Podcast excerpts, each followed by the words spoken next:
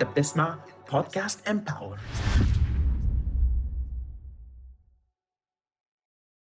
أول طريقة تنافس بيها هو إنك تعمل self development وتطور من نفسك.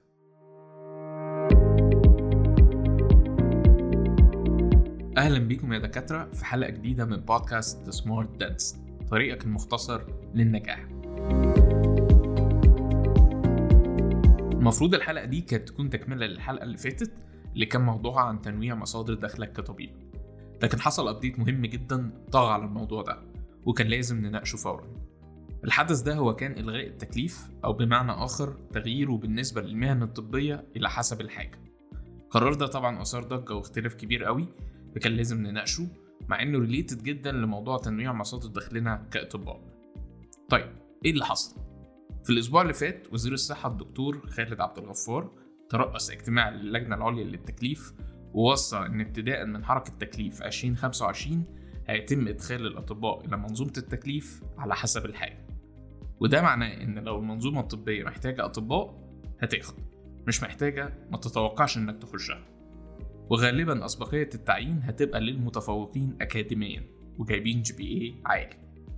معظم طلاب طب الأسنان والدكاترة الصغار استقبلوا الخبر ده بتشاؤم شديد جدا. وشافوا إن ده خطر بيهدد المهنة اللي بقوا مش ضامنين فيها شغل حكومي أو لاقيين فيها شغل في القطاع الخاص.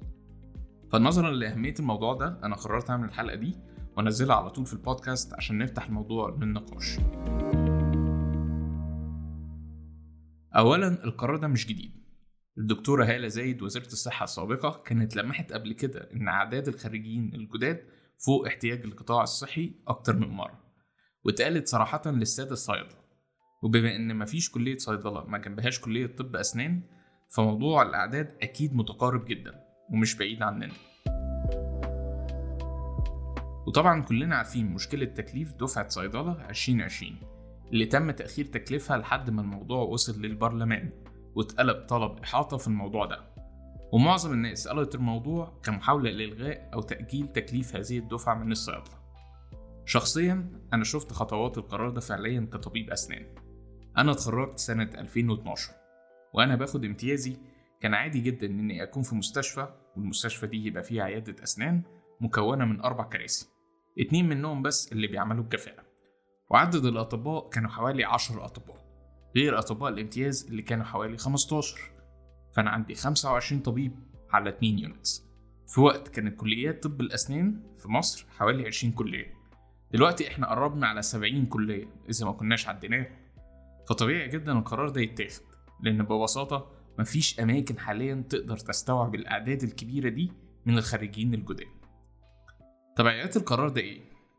معظم الناس اللي كانت معتمدة على التكليف في خطتها المستقبلية أو شايفاه option ممكن تلجأ ليه لفترة لو اضطرت زعلت وتشائمت من القرار. لأن حتى لو هو مش option حلو فهو option لكن كده يبقى إحنا لا ضامنين شغل حكومي أو لاقيين شغل في القطاع الخاص. بالنسبة لي أنا شايفه mix news فيها جزء good news وجزء bad news أنا معرفش أنتوا بتحبوا تسمعوا إيه الأول. أنا شخصيا بحب أسمع ال bad news بحب أبلعها وأرميها ورا ظهري ال bad news هو إنك لو أنت طالب أو خريج طب أسنان في جامعة حكومية وصرفت على نفسك حوالي مئة ألف جنيه عشان تتخرج ما بين instruments و materials و labs وملازم. ولو أنت خريج جامعة خاصة هتضيف مش أقل من 400 ألف جنيه ك average تكاليف دراسة. عشان في الآخر تتخرج وتشتغل شغلانة ال average salary فيها حوالي 2000 جنيه. فاسمح لي أقول لك بكل احترام تفكيرك وتفكير كل شخص مشارك في القرار ده غلط. ومستحيل طريقة التفكير دي توجهك للنجاح في حياتك. أنت هتقعد تشتغل كام شهر وكام سنة عشان ترجع الفلوس اللي اتصرفت عليك؟ مش بقولك تبتدي تخش في الجهة positive من المعادلة عشان الاستثمار ده يبقى صح. لا. أصلا أنا يا دكتور طارق هصرف من مرتب التكليف على نفسي.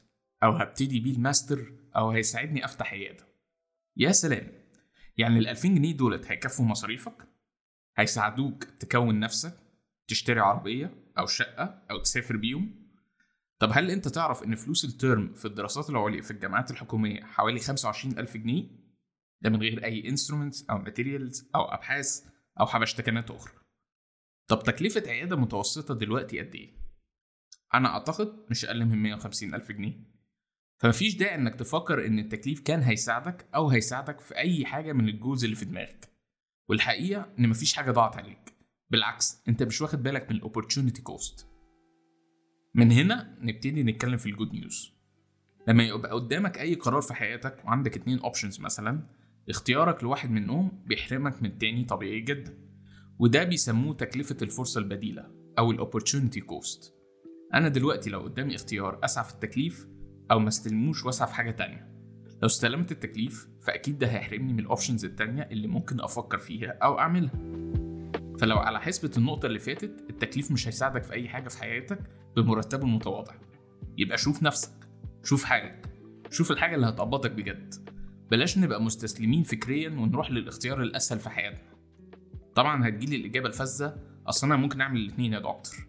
لا حتى لو أنت بتروح يومين في الأسبوع وده نادر ما تقنعنيش إنك هتبقى شخص برودكتيف وأنت نص يومك رايح في الحضور والإنصراف والإمضاءات والتفتيشات وحملات مش عارف إيه وخناقة مع فلان أو علان. شخصيا أنا كنت قلقان من كده وعشان كده ما استلمتش التكليف مع إنه كان جنب بيتي وما كانش عندي مصدر دخل تاني على فكرة. وعمري عمري ما ندمت على القرار ده. طب يا دكتور لو ما استلمتش التكليف هعمل إيه؟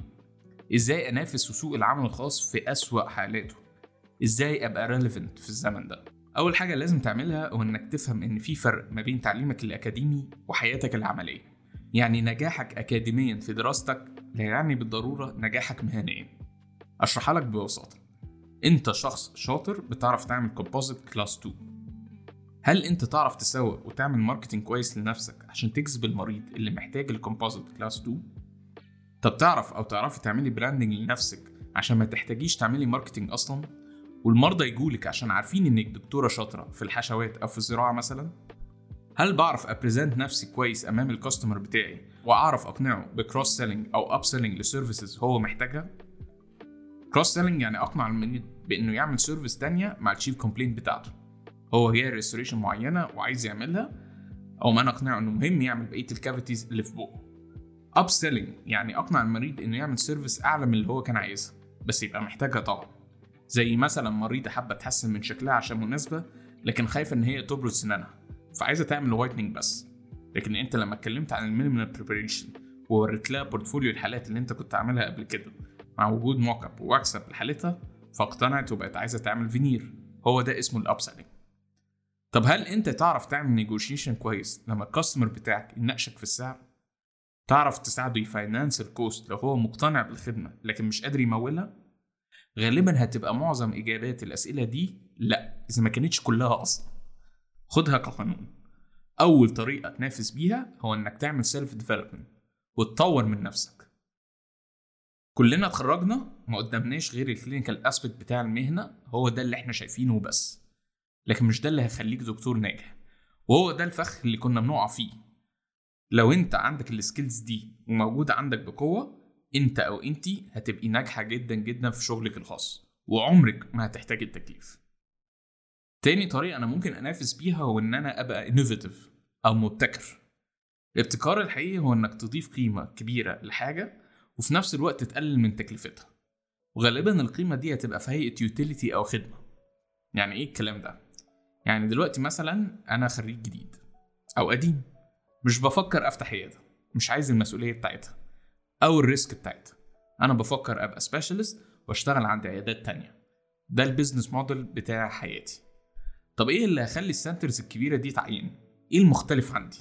إيه الحاجة اللي أنا أعرف أعملها اللي بتميزني عن غيري؟ هل أنا دكتور مثلا بفهم في ال digital dentistry يعني بعرف أ design وأقطع ال restorations بتاعتي وأحط لها ال stains وأعمل لها glazing فممكن أخلي ال center ده يسلم ال restorations بتاعته أسرع وأدق وأحلى وأرخص فدي ميزة كبيرة تميزني. و doable جدا وممكن أتعلمها ومش هتكلفني كتير. طب أنا hiring manager في center وطالب restorative dentist وفي 100 شخص مقدم على ال position ده لكن خمسة بس اللي عاملين documentation لحالاتهم في هيئة portfolio شيك وحلو. فأنا أقدر أشوف واقيم ال quality اللي ممكن يقدموها لي. فطبيعي فرصهم تبقى أحسن. دكتورة تانية بتعرف تشتغل pedo under GA وتعرف المستشفيات اللي ممكن تقدم الخدمة دي. وحافظة ال protocols اللي بتستخدم وعندها ال assistant وال instruments وال materials بتاعتها. يبقى هتشيل ال cases الكبيرة والرخمة.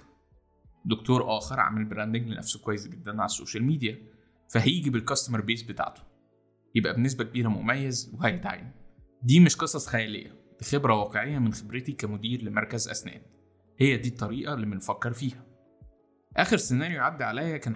كان من حوالي أسبوعين.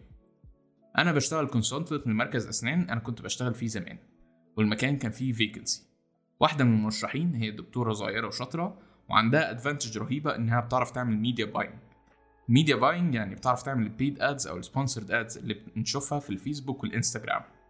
وعندها برضه skills حلوة في ال design وال video editing كل ده self-taught من غير professional courses وعشان كده هي عندها patient base كويسة وهي لسه مخلصة امتياز من أقل من سنة. فكده أنا عندي دكتورة شاطرة clinically بتعرف تعمل ads بتعرف تعمل design بتعرف تعمل video editing وعندها أساسيات التصوير وال branding فطبيعي ا recommend إن هي تاخد ال position ده عشان هي مميزة. طيب لو أنا بجهز لفتح عيادة سواء بنفسي أو شراكة وشايف إن التكليف هيديني خبرة أو يساعدني في نجاحها. لو أنا بتكلم عن خبرة في ال extraction اللي هي ال most common clinical procedure في التكليف فالتكليف هيساعدني. لكن ما اتوقعش أكتر من كده أصل إحنا مش بنشتغل أكتر من خلع في الوحدات الطبية ولا الزوار بتوع الوحدات دي هم اللي هيقابلوك في عيادتك عشان تقول إن التكليف هيديني خبرة بالعكس أنا هرد وأقول هل التكليف هيعلمك إدارة ال business بتاعك كطبيب؟ هل هيعلمك pricing أو إزاي تسعر خدماتك صح عشان تعمل balance ما بين ال profitability وقوتك إنك تنافس مع ال businesses التانية اللي حواليك اللي بتقدم نفس الخدمة؟ هل هيعلمك cash flow management عشان ما تبقاش بتكسب على الورق بس وعندك أزمة سيولة ممكن تخليك تقفل أصلا؟ أو على الأقل تاخد بالك من ال balance sheet بتاعك عشان ما تتفاجأش ب hidden cost أو عشان تبقى بوب وفي عز أسوأ فترة في مهنتنا أنت قادر وأنت مطمن تقسط جهاز جديد أو تحضر كورس غالي عشان تعرف بالملي حدودك المالية فين الخلاصة الخلاصة إيه بقى؟ الخلاصة إن الطريقة التقليدية اللي كنا بنشوف بيها مهنتنا زمان بتدفن خلاص فكرة إني هتخرج وكل المطلوب مني إني أكون شاطر اكلينيكيا وأطور من نفسي بكورسات أو دبلومة أو ماجستير ومع الوقت أفتح عيادة أو أسافر وإن التكليف حيطة ممكن أتسند عليها عقبال ما أعمل كل ده طريقة التفكير دي بتنقرض خلاص ولو أنت تمسكت بيها وزعلت عليها هتنقرض معاها. بص حواليك شوف أشطر دكاترة في المهنة وأكثرهم نجاحا هل هم وصلوا لده عشان هم شاطرين كلينيكيا ولا هم شاطرين برضه في ال marketing في ال branding في ال management في ال social media في ال presentation وال documentation وبيعرفوا يعملوا financing عشان يكبروا ال businesses بتاعتهم بفلوس مش شرط تكون حاضرة معاهم دلوقتي. دول الأشخاص اللي دايما باصين لقدام ال risk takers ال dreamers دول اللي تبص عليهم وتاخدهم قدوتك. ما تبقاش حبيس ال comfort zone بتاعتك في هيئة التكليف. طب أمشي إزاي في سكة التطوير والابتكار دي يا دكتور طارق أول حاجة تعملها هو إنك تسمع بودكاست The Smart Dentist وده أول بودكاست عربي مخصص لطلبة وحديثي التخرج من طب الأسنان. بنتكلم في ثلاث مواضيع محددة business management وال innovation وال self development كل ده في إطار طب الأسنان. الثلاث حاجات دول إحنا ما درسناهمش في البكالوريوس مع إنهم يكاد يكونوا أهم ثلاث حاجات بتحدد مستقبلك كطبيب. تاني حاجة ممكن تعملها هو إنك تنضم لل community بتاعتنا على الفيسبوك وهناك هتلاقي تفاصيل أكتر وشرح أكتر وممكن نتدرب على الحاجات دي كمان. كمان في خطتنا إننا نجيب نماذج مميزة في مهنتنا عرفت تعمل كده وأكتر وتشاركنا خبراتها. ال ultimate goal بتاعنا هو إننا بعد ما نكبر ال community دي نبتدي نتحرك بقوة في الملفات اللي تهمنا كأطباء أسنان. لو أنت متابع البودكاست أو عضو في ال community بتاعتنا أو متابعني على ال social media هتلاقيني نزلت قبل كده resources مهمة تخص موضوع إلغاء التكليف. زي إزاي تنوع من مصادر دخلك كطبيب ودي تغنيك عن فكرة التكليف أصلا. link ات كل ال resources دي هنحطها في ال description. في النهاية أحب أقول إن أنت أو أنتي بس المسؤولين الأوائل والمتحكمين في مصيركم. لا الأعداد ولا الاقتصاد ولا الاستيراد ولا الحروب. بس محتاجين دايما نفكر ونعقل ونخطط الزمن ده محتاج إيه؟ وإزاي ممكن أتميز فيه بطريقتي أنا مش بطريقة الناس. وراهنكم هتنجحوا. فبلاش نسمع كلام المحبطين أو المضللين ولا الناس اللي بتطمنك وخلاص وبتقولك ما تقلقش واشتغل. لا المجهود لا يعادل دايما النجاح. لازم يبقى فيه تفكير. فاسعى أكيد لكن بذكاء. دمتم سالمين.